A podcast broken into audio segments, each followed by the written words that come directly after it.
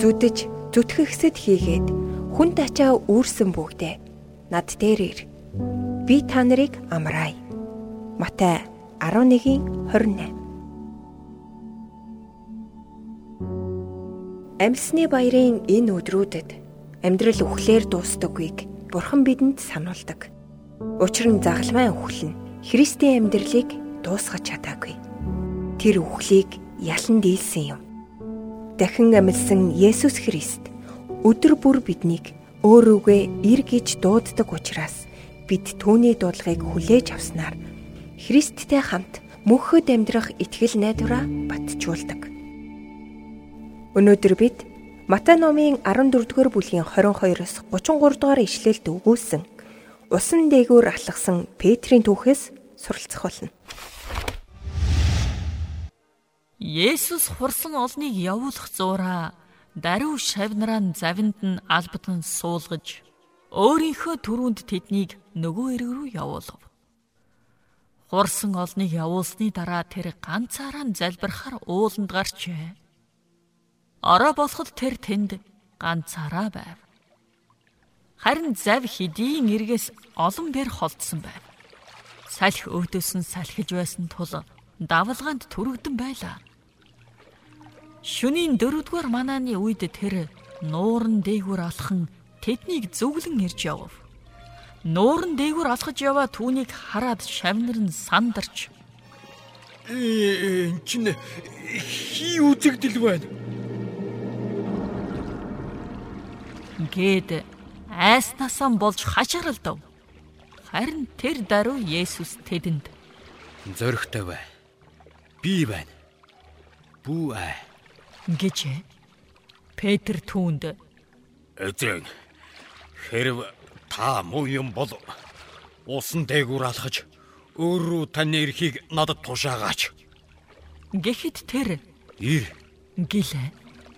Петр завнаасаа гарч усан дээгүүр алхлан Есүс рүү явв. Харин Петр салхи хараад айн жив жиглэв.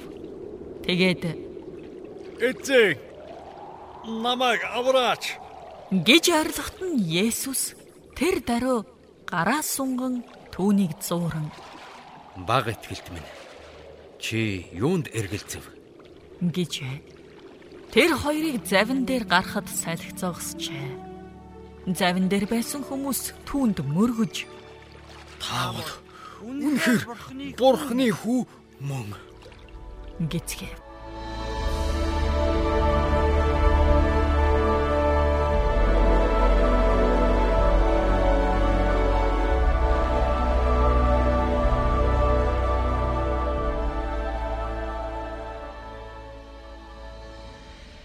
За өнөөдрийн түүхээс бидний гайхалтай зүйлийг сурна. За тэр бол юу ихлээр эзний үг. Эзний үг тушаал яг тухайн хүнд зориулсан тэр дуудлага гэдэг ямар чухал вэ гэдгийг бол энэ түүхээс бол харах боломжтой байдаг. За тухайн түүхтэр бол харж байгаа л да. Есүс хурсан олныг бүгдөрөнгийн тарааж явуулах зураа шавнырыга завинд суугаад нөгөө эрэг рүү яв гэсэн. За гайхалтай. Нуурын эрэг дээр цугларсан хүмүүсийг тараасан. Тэгснэ дагалдагчтайгаа завинд суугаад яв гэжсэн. Тэгээд Есүс өөрөө залбирахаар уул өдөө явсан гэдэг чинь. За дагалдагчдын толгойд мэдээж асуулт байсан. Яг багш яаж ирэх юм бол багш нуурыг тойрно гэх юм бол 80-аас 43 км-ийн урт өргөнтэй тэр том нуурыг яаж тойрж ирэх гэдэг. За багш завээр ирэх юм бол бүх завийг нь бид нар аваа явуулчихлаа шүү. За бас магадгүй багш хурдан ирэхгүй бол нууран дээр давлгаа ус гэж юм салгиус гэж юм гэдгийг Петр эдэн мэдсэн баг. Яг бол тэр нуур бол тэдний өсөд төрсөн одоо тэдний одоо амьдрал ахуйгаа залгуулж исэн тэр газар. За ингээд э, орой болоход Есүс бол тэнд бол ганцаараа залбирж исэн байна. За магадгүй нэлээд хугацаагаар тэд нэрстэй харав бүрийн болтол Есүсийн залбирж байгааг дуулан дээр байгааг нь харж исэн байх гэж бодож байна. За ингээд э, зав хэдийнэ эргээс олон бээр одоо холтсон байлаа гэж хэлсэн. За олон бээр холтсон гэдэг чинь ер нь бол нэг бээр бол 800 м орчим газар Тэгэхээр бол эргээс нэлээд холдсон байж итэл яасан бэ гэхээр нууран дээгүүр хин нэгэн алхаад ирж явахыг дагалдагчид харсан. За энэ бол шөнийн 4-р манааны үед нууран дээгүүр ирж явааг бол харсан байна. Тэгэхээр нэг зүйл бол аимшигтай. Яг тэгэхээр нууран дээгүүр хинч хизээч алхдаггүй. хүн бол усан дээр явдаг юм биш. Тэд усан дээр амьдралаа залгуулж ирсэн боловч усан дээр өөстөө явж байгаагүй. Ялангуяа усны мандал дээр.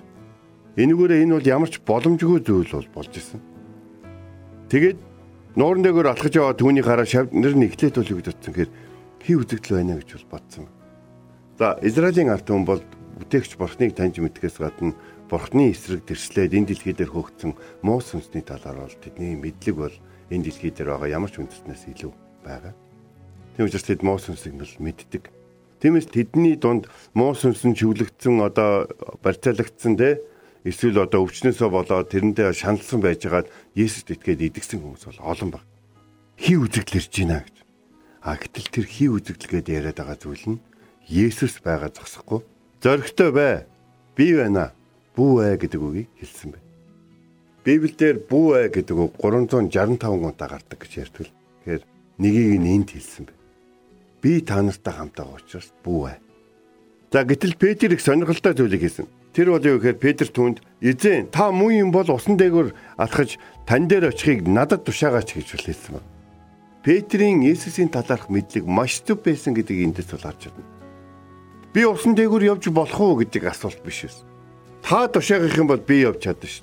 Тэгтээ тушааж байгаа нэг нь та мөн бол гэж. Петр Есүсийг дагаж явах хугацаанд би эцгийнхээ хүслээс гадуур зүйл огт хийдгүү гэж ярихыг олон удаа сонссон. Тийм учраас Есүсийн усан дээгүүр алхаж явна бүхний бүтээгч Тэнгэр газрыг бүтээгч хуурай газар болон усыг салгагч тэр бүтээгч эзний хүсэл төлөвлөгөө гэдгийг бол Петр бол ойлгосон учраас түүний үгээр энэ дэлхийн ертөнд бүтээгдсэн гэдгийг мэддэг хүнийхээ та мөн бол усан дээгүүр тань шиг алхаж очихыг тушаагаач гэж хэлсэн. Есүс ир гэж хэлсэн. Ганцхан ир Аливаа бүтээл болон бурхны хүсэл бол тийм олон үгээр байдаг. Газар бий бол. Год бий бол. Тийм учраас Есүс бол ир гэж хэлэхэд Петр завнаасаа гараад тэр э, насан туршдаа усан дээр усны хажууд өссөн боловч усан дээр хүн гисгэж болох уу гэдгийг мэдж байгаа боловч тэр Есүст итгэдэг учраас шууд завнаасаа гараад мандал дээр гисгээл тэгээд дараагийнхаа алхмыг хийгээл дараагийнхаа алхмыг хийгээл дараагийнхаа алхмыг хийгээл Есүс рүү шууд ойртсон байна. А тэгж явж байхдаа Петр ширүүн салхийг мэдэрсэн. Ширүүн салхийг мэдрэнгууд тэр айж анхаарал нь Христээс бас хараа нь Христээс салж живсэн. Тэр даруй эзэн намайг авраач гэж ойрлоход бол эзэн хурж ирээд өчөөхөн итгэлтэн бэнэ чи юунд дэргэлзвэ гэж хэлэхэд тэр хоёрыг хамтдаа алхаж ирээ завин цуунгууд л салхиул зогссон байна. Тэгэхээр салхиул Петрийг шалгах зорилтойгоор энд бий болсон гэдэг нь бол ойлгомжтой байна. Тэгэхээр эзэн өөрөө яаж ирэх юм бол гэж саяхан санаа зовж ирсэн Петрт бурханд санаа зовох шаардлага байхгүй. Харин бид өөрсдийнхөө итгэл бурхны өмнө ямар байгаа вэ гэдэгтээ илүү санаа зовох хэрэгтэй гэдгийг бид эндээс харж байна. Бас нөгөө талаар бурхны гайхамшиг бидний амьдралд бидний огт мэдэхгүй зүйлээр ирдэг. Бидний хийж чаддаг зүйлээр хийж чаддаг зүйл дээрээ бурхныхаар хийх нь үгүй юу гэдэг дээр ирдэг гэдгийг бид бол бодох хэрэгтэй. Петр бол усыг бол маш сайн ойлгож мэддэг боловч бүх мэдлэгийнхаа эсрэг хийж завнаас гарч алхаснараа Бурхан бол үнэхээр байдаг бөгөөд түүний үг тушаалын дагуу явхад гайхамшиг бий болдог гэдгийг амьдрал дээр бол мэдэж авсан. Бас нөгөө зүйл нь бол юу вэ гэхээр Петр бол өөрийнхөө мэддэг чаддаг бүх зүйлүүдийг хаяад Бурханы үгэнд орснараа ир гэдэг энэ үг нь түүний амьдралд бол хідээч арилжгаа бас Христэд итгэжтэй үед маш чухал сургамжийг өгсөн гайхамшигтай үг тушаал болсон байна. Энэ түүхийн эцэст нь энэ түүхийг хуваалцгалгантаа хуваалцдаг зүйл бол итгэлийн тухай. Итгэл бол нүдэнд харагдахгүй зүйлсийн бодит байдлаа. Ир гэхэд харин энэ удаа бол тэр итгэж болох зүйлээ үнэхээр бодитоор харж ирснараа Библийн босод төгөөдөөс хамгийн гайхамшигтай төгт ордог. Тэр юу ямар гайхамшиг хүссэн? Усан дээгүүр олдохыг хүссэн. Тэгвэл тэр гайхамшигаа тэр зүгээр санагдсан зүйлээ биш, харж байгаа зүйлээ хүссэн учраас тэр нь боломжтой зүйл байсан юм. Дараад нь ир гэж хэлсэн эзэн нь Түүнийг нэгэнд ир гэж хэлсэн бол өөр дээрээ очих хүртэх тэр цаг хугацаа, тэр орон зай, тэр салхич байна уу, шуургач байна уу, усны гүн гүндгийч байна уу, гүйтэнч байна уу, халуунч байна уу, тэр зүйлүүдийг хариуцах байсан гэдэг талаар нь итгэх итгэл, мэдлэг зарим талаар дутагдсан. Тиймээс юу гэж хэлсэн бэхээр өчөөхөн итгэлтэн байна. Чи юунд эргэлцсэн бэ гэж бол хэлсэн байна. Бурхны амнаас гарсан үг зорилгоо биелүүлэхгүйгээр хизээч буцаж байгаагүй. Эзэн эргэсэн бол та түн дээр очиж чадна. Бурхны үг байгаа цагт бол бүх зүйл боломжтой байд. Завин дээр байгсад түүнд мөргөж та үнэхээр бурхны хүү байна гэж бол хэлсэн баг. Харин Петр бол түүнийг бол бусад хүмүүсээс ч илүүгээр ойлгож мэдэж авсан. Петрийн амьдралын сүүлийн өдрүүдийг харах юм бол тэр дуулууртай байдлаараа бусад дагалдагтаас үнэхээр бол ялгарч байсан. Учир нь тэр бурхны үгэнд орсон дээрэ гэдгийг өөрийн биеэр ойлгож мэдэрсэн Есүсийн дагалдагчдын нэгэн гайхалтай жишээ байсан. Христ таныг өөр дээрээ эргэж хэлсэн бол та гим нүгэл бүх зүйлүүдээ аваад түн дээр оч. Тэр хэнийг дуудаж байгаагаа маш сайн мэдж байгаа.